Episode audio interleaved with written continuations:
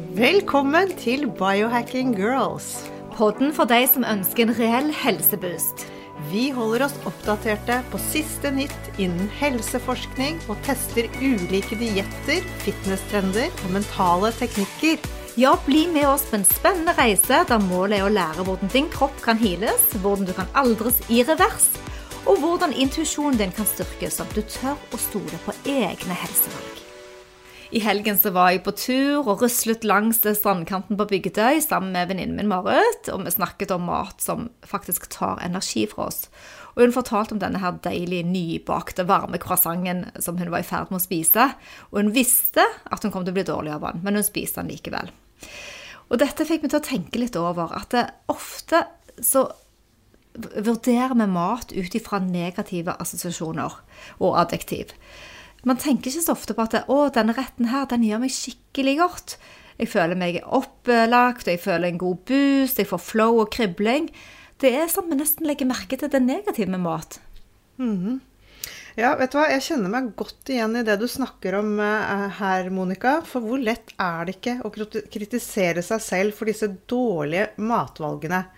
Jeg har faktisk jobbet en del med dette i det siste. Jobbet uh, mentalt for å prøve å slutte med det, for det er jo ikke bra. Uh, og det er, det er, faktisk veldig vanskelig å, å, skifte den greia. Jeg har jo hatt en sånn greie med nøtter, blant annet. At uh, jeg alltid når jeg spiser nøtter, så spiser jeg litt for mye. For det, det setter litt i gang. Jeg syns det er så godt. Ja. Men nå i det siste så har jeg faktisk klart å snu det litt. Jeg tenker heller at nøtter er skikkelig bra mat. Det spiller ikke så rolle hvor mange jeg spiser. Ja, vet du hva, Det er helt fantastisk, og jeg er sikker på at mange med meg ønsker å lære litt om hvordan du, eller bli inspirert av hvordan du har fått dette til. For det er, det er liksom sikkert mange som kjenner seg igjen akkurat dette med om mat er bra eller dårlig for deg. Mm. Velkommen til Biohacking Girls. Jeg er Monica. Og jeg er Alette. I dag så skal vi snakke om hvilken mat som gjør oss godt og dårlig. Det blir spennende. Veldig. Ja, og i sosiale medier i det siste så har det flydd rundt masse om dette begrepet 'bliss point'. Og det er en sammensetning Jeg kaller det kjemisk, jeg. Mm. Sammensetning av fett, salt og sukker. Nam. Nam, Selvfølgelig. Det er nam, ikke sant? Dette er det forskere som har forsket på. Så all prosessert mat inneholder en til en viss grad dette bliss-pointet. Det er til og med laboratorier hvor, hvor de sjekker hjernen til um, personer da, som har inntatt dette her, for å se akkurat hvor det er du blir uh, avhengig. Og de legger jo ikke engang skjul på det, for du husker vel kanskje den Pringles-reklamen? When you pop, you can't stop. Og det er jo masse sånne produkter. En i Norge som er veldig grei, er jo Smashen. Hva sier de? Du kan ikke spise bare én. Nei. Det, det legges absolutt ikke skjul på det. Så, den har denne perfekte blandingen? Den har den perfekte blandingen av salt, søtt og fett. Og fett, selvfølgelig. Um, og så er det jo også det at når vi går i matbutikken, uh, så alt av prosessert mat er nesten stappet inn med sukker for å øke vår uh, glede av å spise det. Og absolutt mat som egentlig ikke trenger sukker, som brød, pastasaus, mm. altså alle mulige dressinger. Det er puttet sukker i det for å få oss til å kjøpe mer, selvfølgelig. Og det verste er jo at det er faktisk puttet inn litt sånn skjult. Det er ikke ja. lett å se det. Nei, nei, nei. Mm. Utenpå så har du nøkkelhull gjerne, og det ser ut som det er kjempesunt. Mm. Eh, men faktisk, hele 80% av den maten i butikken eh, inneholder faktisk sukker. Det er ganske, ganske mye. Og alt dette gjør oss mer eller mindre avhengige. Lystsenteret i hjernen vår får seg en skikkelig boost både titt og ofte. Mm. Og du hva, det er jo faktisk litt uh, sånn at jeg kan kjenne meg igjen. For, at, uh, for noen dager siden så spiste jeg en, en kake, da. Men uh, først hadde vi spist en sånn deilig middag. Det var grillet kylling med skinn på, så du hadde alle de krydderne og fettet. og og det var salt og fett. Eh, og så kom den store, deilige suksesskaken på bordet etterpå. Og jeg spiste den. Og det er jo akkurat det. Kanskje kroppen min cravet den balansen med det du mm. sier nå, Alette. Mm. Og jeg spiste og jeg nøt denne kaken her, og jeg har tross alt ikke spist sukker siden i fjor. Eh, vi snakker fire måneder, eller tre måneder. Så jeg merket ikke noe der og da. Jeg syns det var en god kake, men jeg hadde veldig lyst å prøve, og rett og slett fordi at vi driver med denne glukosemåleren som vi har. Og min basic på glukosen den ligger på 5,5. Men jeg hadde spist den kaken, så steg den til 10,2. Wow. Uh, og den bare fortsetter å være der oppe. Uh, så mitt biohack uh, etter, hvert så, ja, etter hvert så ble jeg jo veldig slapp, og den gikk litt ned og enda lavere igjen, og så kom den opp igjen. Så den var veldig sånn ustabil. Så mitt biohack på kvelden der var da um, å spise kull. For å normalisere tarmbakterien. For du vet at hvis du spiser mye fett eller usunn mat, så kan så er det et kjempebra hack med aktivert kull. Men eh, for å bryte det, for jeg hadde lyst på enda et kakestykke, så jeg var jo i den situasjonen. Det ser du. Ja, For det trigger jo akkurat det som du sier med um, hormonene i hjernen. Mm. Eh, så jeg kom meg ut av situasjonen. Jeg skulle kjøre et barn til en venn, og sånn, så jeg, jeg var litt heldig for jeg kunne komme meg bort fra den fristende situasjonen. Og løse Kjempebra det. hack. Ja, ikke sant? Og det er jo det, å flytte fokus bort fra det. Så det måtte jeg bare være kreativ, for jeg kunne sikkert spist flere kaker, for jeg var allerede i gang. Ja, jeg, jeg, vet, jeg vet. Men visste du at jeg sluttet faktisk å spise sukker for 10-12 år siden? Og det var på den tiden jeg også startet med biohacking. Mm. Jeg hadde ikke noe godt forhold til sukker. Det gjorde at jeg fikk cravings. Og så til slutt så bestemte jeg meg for at nei, må, dette må jeg slutte med. Og det var absolutt ikke lett. eh, Men jeg sto i det. Men da kom mitt første biohack. Eh, og det jeg brukte i begynnelsen for å få dette til å fungere, var at jeg laget mye sånn hjemmelaget eh, sjokolade og godteri. Helt obsesst med det. Men da selvfølgelig sukkerfritt. Men jeg brukte mye fett og kanel. Og i ettertid så har jo jeg funnet ut at eh, kanel, det er jo en vinner. Det er et skikkelig biohack for å dempe søtsuget. Og ikke minst glukosen, for det fikk du òg målt. Yes. Så det er det. Kanel er en vidunderlig deilig antioksidant. Jeg syns det smaker godt. Eh, Økologisk sådan. Prøver Prøv å finne det. Ja. Og den inneholder jo polyfenoler, som òg man finner i olivenolje og mange andre antioksidanter. Virker antiinflamatorisk. antiinflammatorisk. Og jeg kan egentlig takke kanel, cinnamon, thank you. Og- og- Men også fett òg, for å ha sluttet med den populære drikken kaffe latte. Altså, Caffè latte eh, Jeg husker jo på 80-tallet, nei, sent på 90-tallet, men midten på 90-tallet, når eh, Kafé Olén var å finne på disse kafeene rundt omkring i Norge òg. Og jeg har vel egentlig drukket Kafé Olé og Caffè latte siden. Har ikke du òg det? Jo, jo, jo. Ja, det var jo kjempegodt. Og nå begynner jeg å skjønne den der Oatly-melken eh, som vi har hatt. Jeg begynner å skjønne hvorfor jeg trenger den. For det at eh, du ender opp med å drikke litervis nærmest i løpet av uken. Iallfall gjorde jeg det. Jeg tok kanskje to kaffe, sant? og du blir ganske bloated. Og så skjønner du ikke, for det havre virker så sunt. sant? Men når du leser på emballasjen, så ser du at havremelken fra Oatly den inneholder rapsolje og 7 gram sukker per kopp. Men òg en del added sugar, som snakket om i stad. Men i ingredienslisten så står det jo ikke noen ting om støtningsstoffer. Så det er jo litt rart. sant? Du blir på en måte lurt. Så hvor kommer dette sukkeret fra, da? For at eh, carbs-kilden carbs-kilden er jo havre, og vi vet jo at det har veldig lite sukker. Så da viser det seg da at det tilsatte sukkeret det kommer fra selve måten og prosessen de produserer denne melken på. For der har de tilsatt enzymer, og det bryter ned stivelsen i havren til sukker, og det blir maltrose. Man må holde tungen rett i munnen for å lese disse Ja. innholdsfortegnelsene. Og jeg har jo bare vært litt blind selv, sant? fordi at eh, det, det, er, det står ikke obvious, og man pakker det inn. ikke sant? Og glykemisk indeks for maltrose den er 105. Og bare for å sammenligne så har en donut 75. Oi. Ikke sant? Så maltrose har eh, mye høyere effekt på blodsukkeret enn en donut har. Men vet du hva? Latte med Oatly har ca. samme glukoseeffekt som en boks med cola. Uh, Ja, cola. Og det er jo 50 gram sukker. ja. Så skal vi gå over til denne rapsoljen, Alette, som vi har snakket mye om. Eh, Vi eh, begynner å lære mer og mer om effektene av vegetabilsk olje, men akkurat i denne havalatten, da Man bruker jo egentlig rapsolje til å lage bil, bilolje. sant? Ikke lage bil, men bilolje. Og på engelsk heter det canola oil, men så har de lagd en sånn tilslørt eh, Hva heter den på engelsk? Rapsolje. Um, Rapsy. Rapseed, sant? Så de har lagd en sånn tilsløret Men i en vanlig latte med havremelk så får du i deg over 10 gram med rapsolje. Og det øker betennelser og inneholder ofte en del transfett. Så en sånn latte tilsvarer faktisk samme nivå av giftig fett som en stor tallerken med french fries. Så to okay. sånne latter, det er to tallerkener med french fries. Men du, der ble vi ferdig med den Oatlyn. Ja, jeg tror kanskje det.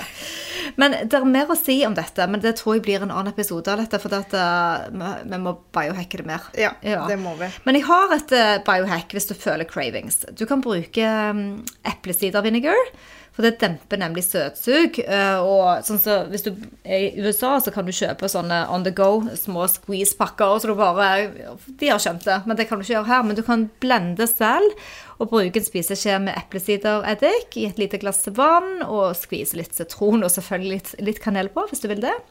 Og det er òg bra for blodsukkeret. Men bruk det ellers i maten. Du bruker jo det òg i dressingene på alt mulig. Og, eller ta deg en liten shot. Men dere der hjemme som hører på, prøv nå iallfall, så se om du klarer å biohacke ditt eget sukkersug med vineddik og eplesidereddik og kanel. Gjør det. Som, for som vi snakket om innledningsvis, så er det sukker overalt. Så dette som Monica snakket om i sted, vi må faktisk lære oss å lese på ingrediensene. Og det er ikke sikkert det står sukker, for sukker er kamuflert med altså Jeg lurer på om det er 50 forskjellige navn på sukkeret.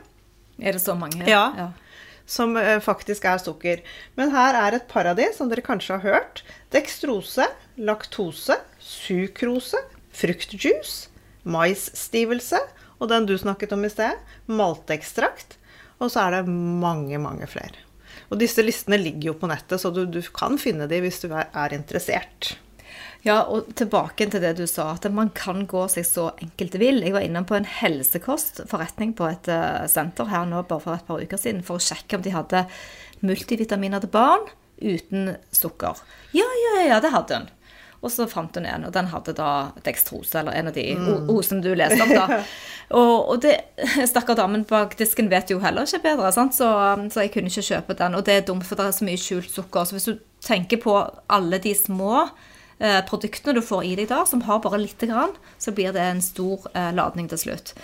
Men eh, vi må ikke la oss lure av lettprodukter heller, fordi støtning i en Coca-Cola Light er like vanedannende som rent sukker. For kroppen kjenner ikke forskjellen nemlig på det på diett- og lettprodukter.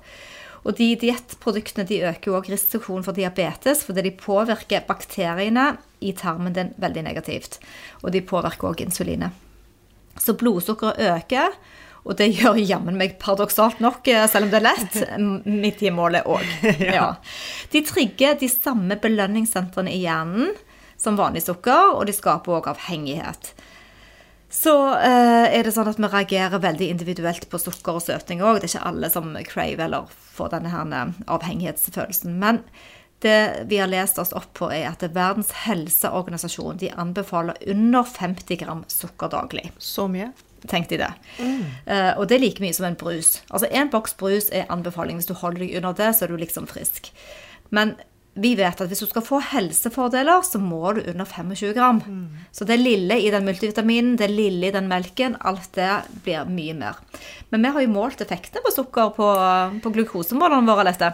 Det har vi, for nå har vi faktisk gått med en eh, glukosemåler på overarmen i to måneder. Og dette var noe som vi som biohackere veldig gjerne ville ta tak i. If you can't track it, you can't hack it. Eh, Vi brukte mye tid på å forske på det og finne ut av hva vi skulle bruke, hvordan vi, fikk vi tak i det. Vi prøvde USA, det var ikke lett. Men jaggu meg så fant vi det på nettet her i Norge. Freestyle Libre heter den eh, måleren som vi har på armen. Og der følger det med en app på telefonen din som du da bruker for å måle glukosen. Og disse målerne som du fester på armen, de varer i to uker, og så må du skifte den. Så, så det vi valgte da, var en amerikansk app fra Nutrisense, for den var ganske sånn omfattende, og vi, vi fikk en coach der in, inne i appen, rett og slett, som ville hjelpe oss å analysere dataene våre. eh, Og også hvordan vi kunne forske og gjøre eksperimenter, sånn at det ble skikkelig For her, nå var vi jo veldig kine på å gå i dybden på dette her. Og der kunne du da velge abonnement på en måned eller tre eller et år. Ja, ikke sant. Men det går også an å bare bruke den uh, Norske, norske ja. appen. Man må ikke gå inn i dette. Men i og med at vi ville gjøre det litt mer omfattende, Ja, vi skulle biohacke. ja, så, så gjorde vi det. Og vi begynte med å, å først bare bli vant til den i to uker, og så begynte vi å sjekke med forskjellige matvarer. Men blodsukkeret vårt det bør faktisk være så stabilt som mulig gjennom døgnet. Eh, Det er jo derfor vi måler dette her. ikke sant? Små variasjoner det er helt greit, men det er de store spikene opp og ned, som vi helst, og særlig hvis det holder seg veldig høyt over tid, dette er det vi vil unngå. Eh, insulinet skal regulere blodsukkeret ved å stimulere til opptak av glukose fra blodet. Ved høyt blodsukker over tid vil dette systemet bryte sammen. Det høye blodsukkeret fører til inflammasjoner i kroppen, og dette igjen fører jo til vektøkning, kan i hvert fall. Og dette igjen kan i verste fall føre til diabetes type 2. Og vi vet jo nå at mye inflammasjon i kroppen, det er forbundet med sykdom. Ja, masse livsstilssykdommer. Masse livsstilssykdommer. Men jeg vil bare fortelle den første aha-opplevelsen jeg hadde da, med glukosemåleren, var at jeg så at den morgenkaffen min, den spiket blodsukkeret mitt veldig, veldig, veldig. Og det var ikke Oatly. Det var ikke nei. Det var bare fløte og sånne ting. Men så eh, kom jeg tilbake til mitt hack med kanelen, da. Mm, så jeg, det jeg gjorde, var at jeg faktisk halverte eh, kaffemengden Ja. og puttet en god del kanel i. Og det gjorde susen, du. Helt stabilt blodsukker. Så det er jo spennende. Syns du, hva tenker du om den nålen du Vi måtte jo sette den nålen på armen selv. Det er sikkert Ja. mange som lurer på om det gjør vondt, eller om det er ubehagelig. Ja. Jeg var jo litt reddere enn deg, men hva syns du? Det, du kjenner det ikke. Helt, helt alvorlig. Vi var, du var kjempenervøs, men det, det var Du kjente ingenting. Ingenting. Nei. Så det går veldig fint. Så den sitter på i to uker, Ja, og så ja, ja. har vi da hjulpet hverandre. Vi har hatt et sånn eh, plaster på utsiden for at den skal være litt mer eh, Beskytte stabil. den litt. Og den, det kan vi kanskje si at den sensoren den koster rundt 500-600 Ja. kroner, gjør den ikke det? Så Jo. det er jo ganske kostbart. Men vil, ja, altså hvis man har lyst, så går det an å teste det. Man trenger ikke å ha den lenge. Nei, fordi det er så individuelt. Jeg har ikke hatt noe spike på, på kaffe. Hei. Men det er jo helt rått med alt en har lært likevel. For det at, eh, jeg har jo også sett utslag. Jeg gjorde et eksperiment. Det gjorde begge to, men jeg gjorde det litt lengre. Med surdeigsbrød. Og dette var fra en seriøs produsent, ut ifra det jeg vet i alle fall. Eh, Men eh, ut ifra målingene så er jeg nesten litt usikker. Eh, Trente først, så prøvde vi når vi trente på tom mage og spiste brød med masse smør på etterpå. Og siden smøret, da, som har så mye fett, det bremser fordøyelsen, så spiket var helt moderat på det. Men da var coachen vår, app-coachen vår, Casey, hun sa prøv motsatt, da. Så da spiste jeg masse brød til frokost, og det var jo ikke særlig festlig å stå og hoppe på trampolinen etterpå. Hadde like mye smør på. Og spiken var veldig høy, fordi at jeg hadde ikke trent først. Eh, Så det vil si at treningen hjalp. Men jeg kom inn på trampolinen og holdt på en times tid, jeg var litt kvalm og hadde nesten litt sånn skjelvinger, sånn, husker du? Du var jo Ja, helt, helt på dyreren. sånn som jeg aldri er. Så, så, så kom jeg gjennom det, så treningen balanserte det. Men så skjedde det at eh, blodsukkeret ble superlavt. Det gikk veldig ned utover ettermiddagen, og jeg var i ubalanse hele dagen. Og det kan virke opptil 24 timer hvis du setter kroppen din helt sånn ut. Og det er det vi ikke ønsker, da. Så hekket mitt eh, litt utpå kvelden var da å spise carbs, som eh, jeg hadde sånne toastede søtpotet med nøttepålegg på, for å løfte blodsukkeret igjen. For jeg var jo satt ut hele dagen. Så det Men eh, med, med oppsummert så ønsker vi å være i bevegelse og trene. For hvis du gjør det og ikke har lyst til å ha en glukosemåler, så vil det påvirke eh, glukosen din veldig bra. Fordi at trening gjør kroppen mer følsom for insulin. Ja, nemlig. Så, fordi det er jo ikke alle som orker alt det dillet med mål, nål i armen Ja. og sånne ting. Det er jo for spesielt interesserte, det skjønner vi. Altså Det er jo en fulltime jobb å fylle inn disse dataene og holde på målet. Oh, yes. Plutselig har du glemt, og så får du beskjed. Altså, Ja. Det, det skjønner Nei, så det skjønner man. Men det er allikevel hacks man kan gjøre. Eh, og da gjelder det egentlig mest med mat jeg skal snakke om nå. Eh, og husk også at dette er individuelt, så det er ikke sikkert det funker på alle. Men det er et par hacks. F.eks. mange spiser sånne acai balls. Mm. Men da hvis du først, før du tar inn den, tar og spiser mandler, kanskje en liten neve med mandler, så kan dette på noen minske den spiken med 50 Eh, brokkoli er kjempefint å spise, særlig før ris. Altså, nå, nå, snakker jeg jo om ting du spiser før selvfølgelig karbohydrater. Så grønn, grønn salat, brokkoli, avokado Gjøre dette før du går for carbsen. Det vil også på noen gjøre at eh, opptaket blir, eller at den spiken blir mye mindre. Og så er det viktig at uh, i forhold til frukt Hvis du vil velge bær i fremfor sånne tropiske frukt, så hjelper det veldig. Eh, og så har vi denne hummusen. Med, hvis du spiser hummus med kanskje en gulrot eller noe sånt, før du går løs på pastaen, så kan det også hjelpe. Sitron i vannet er også en supert hack på har du noen flere? Nei, men jeg tenker at uh, Og så kan det være veldig individuelt. Ja, sånn ja, ja, ja, så, så det, Men man må prøve å feile litt. Og du, du merker litt fysisk òg. det. Men det er sånn som du sa, if you can't track it, you can't hack it. Altså du må være den egen uh, analytiske uh, detektiv. detektiv. Ja. Så så jeg kommer ikke på noen flere akkurat nå, men, men stress er jo òg en sånn veldig viktig faktor som slår ut. For det er ikke bare det fysiologiske, det er òg det mentale mm. som påvirker glukosenivået vårt. Stress og angst det blokkerer kroppen din fra å frigjøre insulin.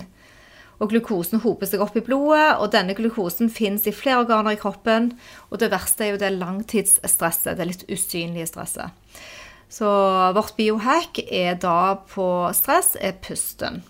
Så for du kan alltid komme tilbake til pusten. fordi at det, ja, det er jo det. Og når du trener og gjør yoga og pilates, så har du det med deg. Men allikevel så er det situasjoner hvor du har lyst til å bare nullstille deg eller ja, mm. finne ro. Eh, fordi at stress påvirker to systemer i kroppen, og det er nervesystemet vårt, og så er det luftveiene. Så tilbake til pusten. Vi kan jo prøve nå, hvis du sitter der hjemme og lytter. Hvis du ikke kjører bil, selvfølgelig, så kan du eh, Eh, komme til diafragmapusten. Diafragmamuskelen er kroppens oksygenpumpe. Og vi som trener mye, mener jo at det er en av de viktigste mm. musklene. Men hvis du starter med å sette hånden Ta én hånd opp på brystet. Og så den andre hånden eh, på magen din, under ribbebena. Og så begynner du bare å puste. Hold én hånd på hver plass der. Så puster du inn gjennom nesen. Nesten som du skulle lukte på en blomst, at du virkelig tar litt ekstra tak. Og så puster du ut med munnen, nesten som du skulle slukke et lys med munnen. Nettopp. Så du virkelig puster og slipper magen ut. Og dette kan du gjerne gjøre tre ganger hvis du er stresset, og så få til en sånn uh, pust. Og det vil umiddelbart uh, påvirke hele deg. Så egentlig Denne, denne påvirker denne vagusnerven også? er det Ja, vagusnerven vil òg. Uh, For du kommer inn i en parasympatisk state som ønsker å være mest i. Men, uh, men, det er jo litt sånn at diafragma bør jo egentlig trenes like mye som bicepsen. Oh yes. Men du, nå er jo vi ferdig med glukosemålingen vår for denne gang. Men jeg kommer nok i hvert fall til å ta en liten check-in på glukose litt uh, innimellom. Det var kjempegøy. I hvert fall vi som nå skal drive og teste ut så mye ja. forskjellig mat også. Er du ikke enig? Jo, altså jeg har til og med bestilt eh, et par tillegg. For jeg tenkte at vi må ha de liggende i tilfelle. Ja. Uh, vi har noen andre ting som vi holder på med, så det er greit å ha liggende. Ja. Liten, og da kan ja. vi, vi har jo hele systemet klart. Ikke sant? Så Og det, det, er jo så gøy med all den kunnskapen man kan tilegne seg. Og så ja, at, å finne ut av dette og gjøre noe selv. At vi slipper å gå til legen. ikke sant? Vi, nå kan vi finne ut av ting før symptomene kommer, og disse tingene her. Ja. Mm en av de viktigste tingene for oss er jo faktisk å kunne være friske da, og så slippe å måtte gå for ofte til legen fordi man blir syk. Det er derfor vi driver med dette her. Ja. Så, så jeg tenker at øh, fysiologiske målinger Altså du kjenner hva som er godt for kroppen. Eh, du kan søke mer av de opplevelsene du vil med god mat. Dette har vi lært. Eh, du, vi jobber med en smoothie akkurat nå.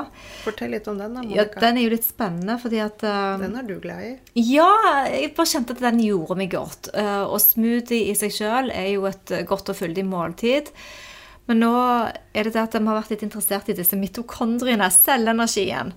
Eh, og begge oss to som trener mye, har av og til litt betennelser. Når du jobber så mye med trening, så må du hele tiden eh, vurdere liksom eh, recovery og trening, og da kan det komme små inflammasjoner.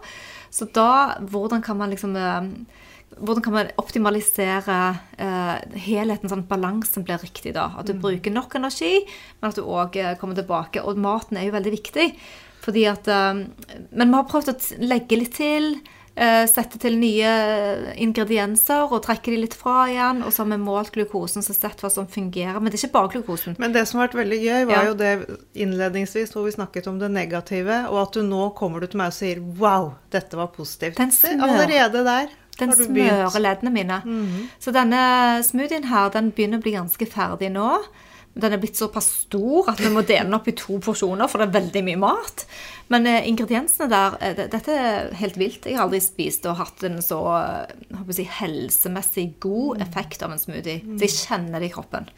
Så vi har jo testet litt forskjellig. Vi har jo testet karnivore, som vi skal snakke om mer òg, hvordan den virker på kroppen vår. Og vi har ulike erfaringer, positive og litt mindre positive òg. Så, så det er veldig fint. Og, og, og kraften, da. Mm, Den har jo jeg Ja. kjent veldig på. Eh, at når jeg når jeg har drukket kraft, det har virkelig gjort meg godt. Det er akkurat som kroppen min takker meg, og særlig tarmene Ja. mine. Bare 'Å, så snill du er som sender dette gjennom'. Og så har jo Monica, du har jo lært meg en fantastisk suppe. Den må jeg bare dele med dere. Det er kraft, MCT-olje, kokoskrem, gurkemeie, hvitløk, chili.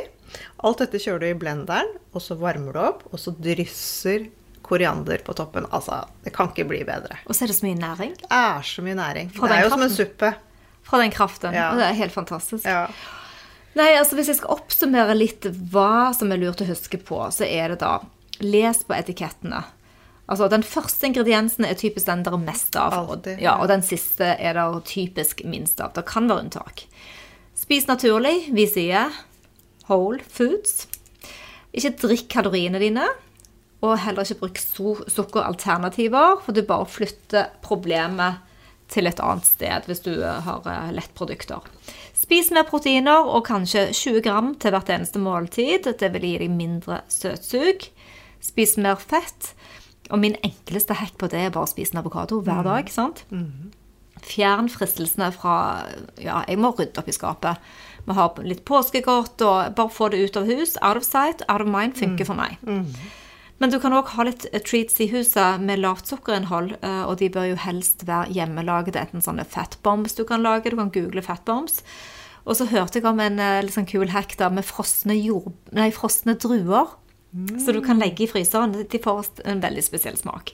Men akkurat nå så har jeg litt sånn dilla på kokosflak, så hvis jeg kjenner craving, så tar jeg litt kokosflak og klasker Det er jo så godt at det Men du kan òg gjøre noen tilskuddshacks med, med supplementer. Og da har du eh, f.eks. L-glutamin, som er en antioksidant fra aminosyrer. Den finnes i kroppens celler. Men den beskytter kroppen din mot eh, frie radikaler. Så hvis du har insulinresistens, så kan du ha et lavere nivå av glutamin. Så da kan dette tilskuddet hjelpe deg.